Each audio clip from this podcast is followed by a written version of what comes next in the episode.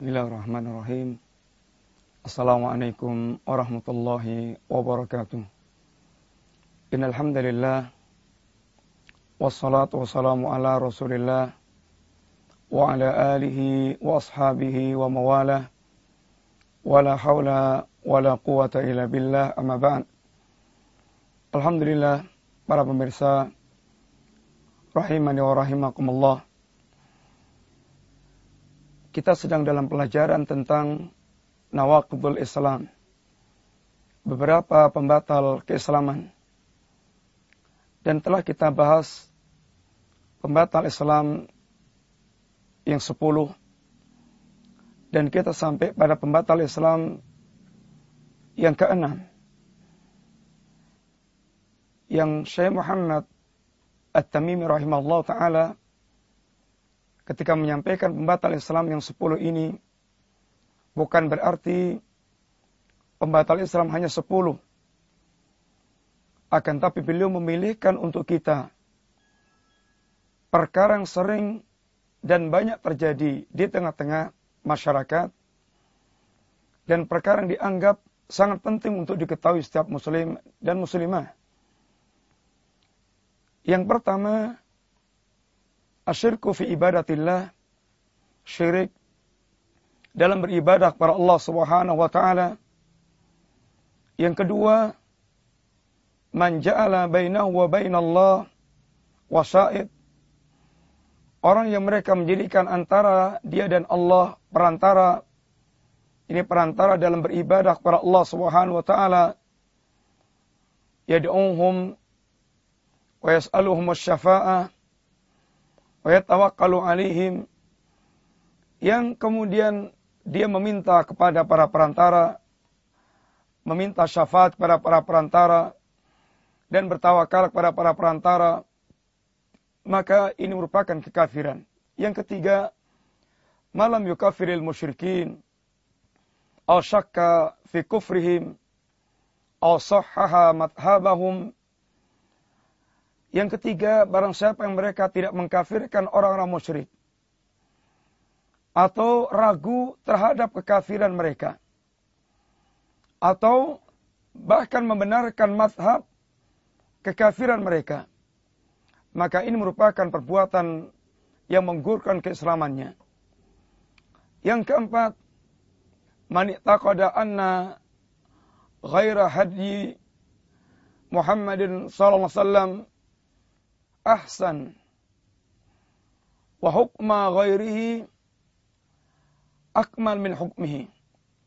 Barang siapa yang dia berkeyakinan bahwa ada hukum yang lebih baik, ada hukum selain hukum Nabi yang lebih baik.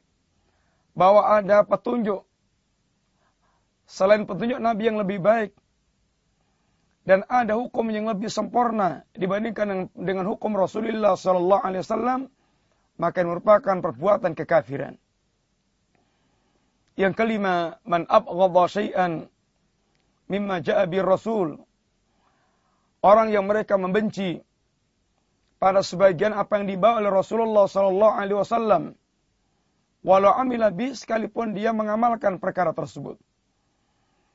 Yang keenam, al-istihza dia memperolok-olok dia memperolok-olok Allah atau agama Allah atau Rasulullah sallallahu alaihi wasallam. Maka ini termasuk di antara amal pembatal keislaman. Dan kita insyaallah masuk yang ketujuh pembatal Islam yaitu as-sihru as-sihru wa minhu asy-syarfu wal atfu. Yang ketujuh adalah as-sihir di antara jenis sihir adalah asyarfu wal atfu. Sihir secara bahasa artinya setiap sesuatu yang nampak samar. Sehingga dalam bahasa Arab kalimat yang tersusun dari kalimat sin, ha, dan ra ini sesuatu yang nampak samar. Waktu sahur dikatakan sahur Karena waktu ini adalah waktu yang tidak gelap gulita, tapi juga tidak terang benderang.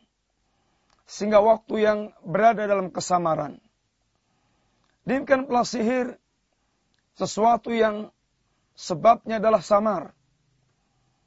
Para pemirsa yang rahmati Allah Subhanahu wa taala.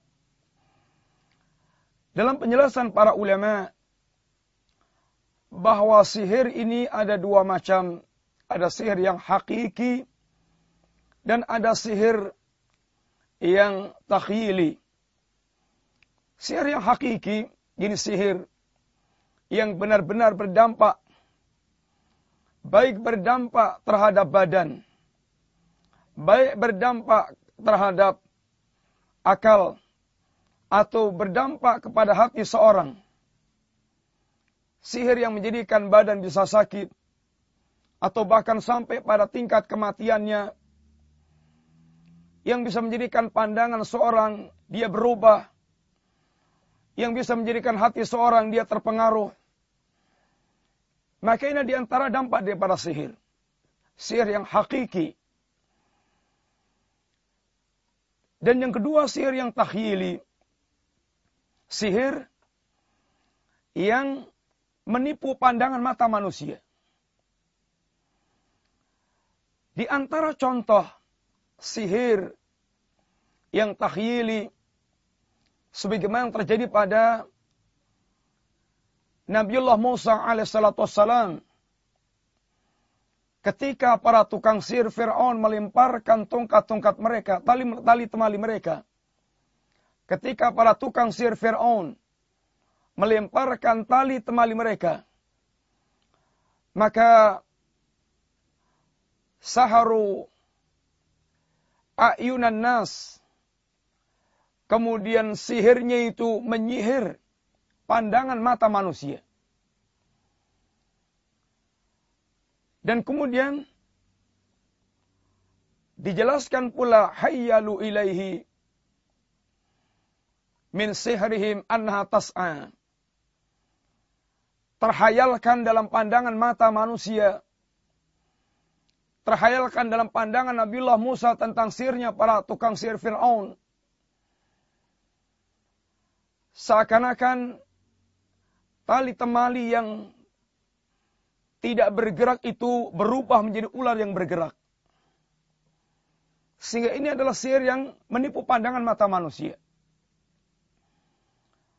Allah Subhanahu wa taala mengajarkan para kita untuk berlindung dari kejahatan sihir. Kejahatan para tukang sihir. Sebagaimana diajarkan dalam surat Al-Falaq. Allah Subhanahu wa taala di antaranya mengajarkan qul a'udzu birabbil falaq dan di antaranya wa min nafathati fi'il uqad dan dari nafasat hembusan-hembusan yang dilakukan oleh para tukang sihir pada bohol-bohol tali yang mereka buat. Yang biasanya tukang sihir mereka memberikan mantra-mantra pada bohol tali, bundelan tali untuk melancarkan sihir mereka. Dan Allah Subhanahu wa taala memerintahkan para kita untuk berlindung kepada Allah Subhanahu wa taala dari kejahatan tukang sihir ketika mereka melancarkan sihir mereka ini ketika mereka meniupkan bohol-bohol tali yang mereka jadikan sebagai saran untuk melakukan sihir kepada manusia. Dan sihir merupakan kejahatan besar dalam agama ini. Sehingga pelakunya pun diperintahkan untuk dihukum bunuh sebagaimana telah diterapkan oleh Umar bin Khattab radhiyallahu anhu. Beliau memerintahkan kepada para pegawainya, gubernurnya agar membunuh para tukang-tukang sihir. Demikian pula Hafsah Ummul Mukminin telah memerintahkan membunuh para seorang budak yang melakukan sihir. Dan para ulama menyatakan hukuman tukang sihir adalah dihukum bunuh. baik sihirnya itu sihir yang menjadikan dia murtad, yang menjadikan dia keluar dari Islam, atau sihir yang belum menjadikan dia keluar dari Islam, akan tapi sihirnya telah merupakan bentuk kerusakan di muka bumi. Karena dalam pandangan para ulama, sesungguhnya sihir ada yang menjadikan seorang batal keislamannya. Ada sihir yang belum menjadikan seorang batal keislaman mereka. Adapun sihir yang menjadikan batalnya keislaman mereka. Ini sihir yang dilancarkan dengan bantuan syaitan, dengan bantuan jin, sehingga manusia atau tukang-tukang sihir menjadi budak-budaknya para jin dan syaitan, yang kemudian dengannya para syaitan atau para jin memberikan bantuan kepada para tukang sihir sesuai dengan apa yang telah menjadi perjanjian antara keduanya. Para tukang sihir mempersembahkan berbagai macam hal kepada para syaitan dan jin Sedangkan para jin, mereka memberikan pertolongan kepada para tukang sihir. Maka sihir dalam bentuk permintaan tolong kepada para syaitan dan para jin ini adalah merupakan sihir yang menggugurkan keislaman mereka. Adapun di antara sihir pula ada sihir dalam bentuk ini pengobatan. Sihir dengan obat yang bisa berdampak pada manusia pula. Dan ini merupakan kejahatan. Maka hukuman tukang sihir, baik yang sihir menjerumuskan dalam kesyirikan, riddah, keluar dari Islam, atau sihir yang dengan pengobatan yang memiliki dampak kerusakan dalam kehidupan, maka dua-duanya hukumnya dihukum bunuh. Yang satu bunuh karena murtad, yang satu dibunuh karena melakukan kerusakan di muka bumi. Kaum muslimin para pemirsa yang dirahmati oleh Allah Subhanahu wa taala. Ketahuilah dalam dunia perdukunan, dalam dunia tukang sihir, mereka memiliki tarekah-tarekah sangat buruk. Tarekah-tarekah yang sangat najis. Yang semuanya merupakan bentuk kekafiran dan kerusakan dan penghinaan terhadap agama. Dan karena memang tidaklah mereka akan mengabdi kepada syaitan kecuali dengan cara-cara yang menghinakan agama Allah Subhanahu wa taala. Diterangkan oleh para ulama kita di antara tarekah para tukang sihir dalam mengabdikan diri kepada para jin, para syaitan. Di antara mereka ada yang menggunakan tarekah iqsam. Ini mereka bersumpah dengan menyebut nama-nama jin sebagai bentuk pengagungan mereka kepada para tukang, kepada para jin. Sehingga jin diagungkan oleh orang yang mereka menginginkan bantuan dari para syaitan.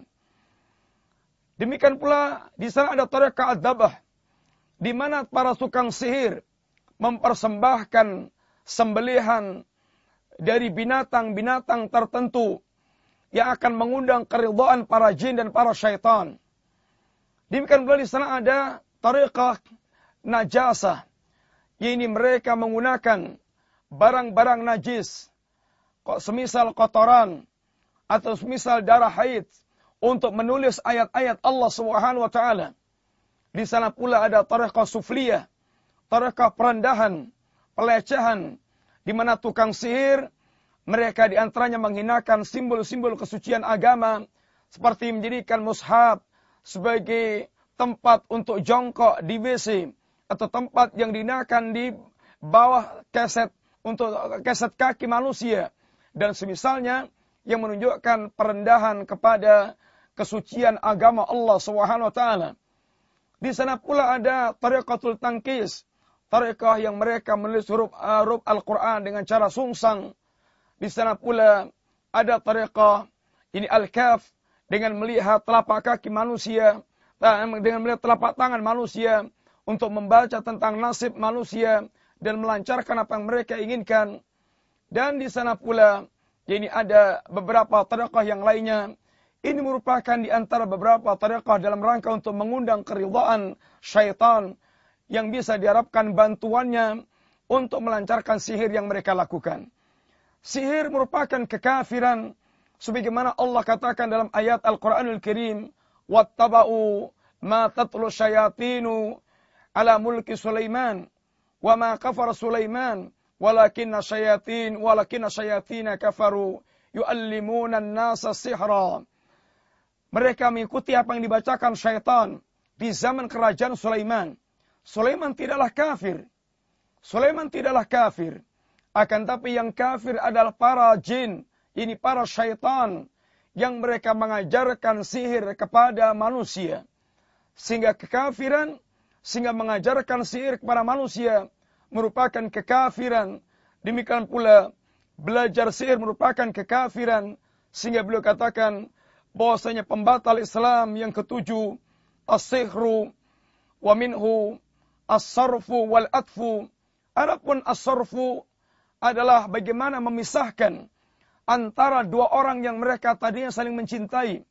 Sehingga dalam ayat dikatakan ma yufarriqu ma yufarriqu baina uh, bainal mar'i wa zawji. Sihir yang bisa memisahkan antara yaitu suami dan istrinya. Memisahkan antara suami dan istrinya. Sihir yang memisahkan antara kedua belah pihak.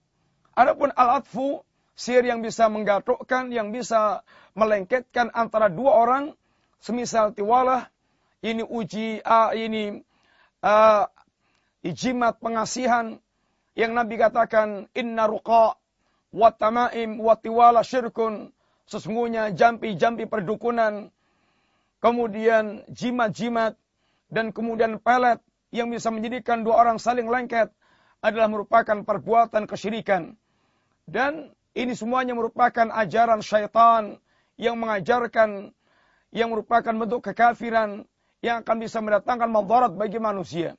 Kaum muslimin yang dirahmati Allah Subhanahu wa taala, maka hendaklah setiap muslim dan keluarga muslimin hendaklah mereka menjauhkan dari dunia sihir sejauh-jauhnya baik dalam bentuk dia mencari manfaat dari sihir untuk keperluan-keperluan mereka atau dengan alasan pengobatan-pengobatan karena Allah Subhanahu wa taala mengharamkan kita berobat dengan hal-hal yang diharamkan oleh Allah Subhanahu wa taala.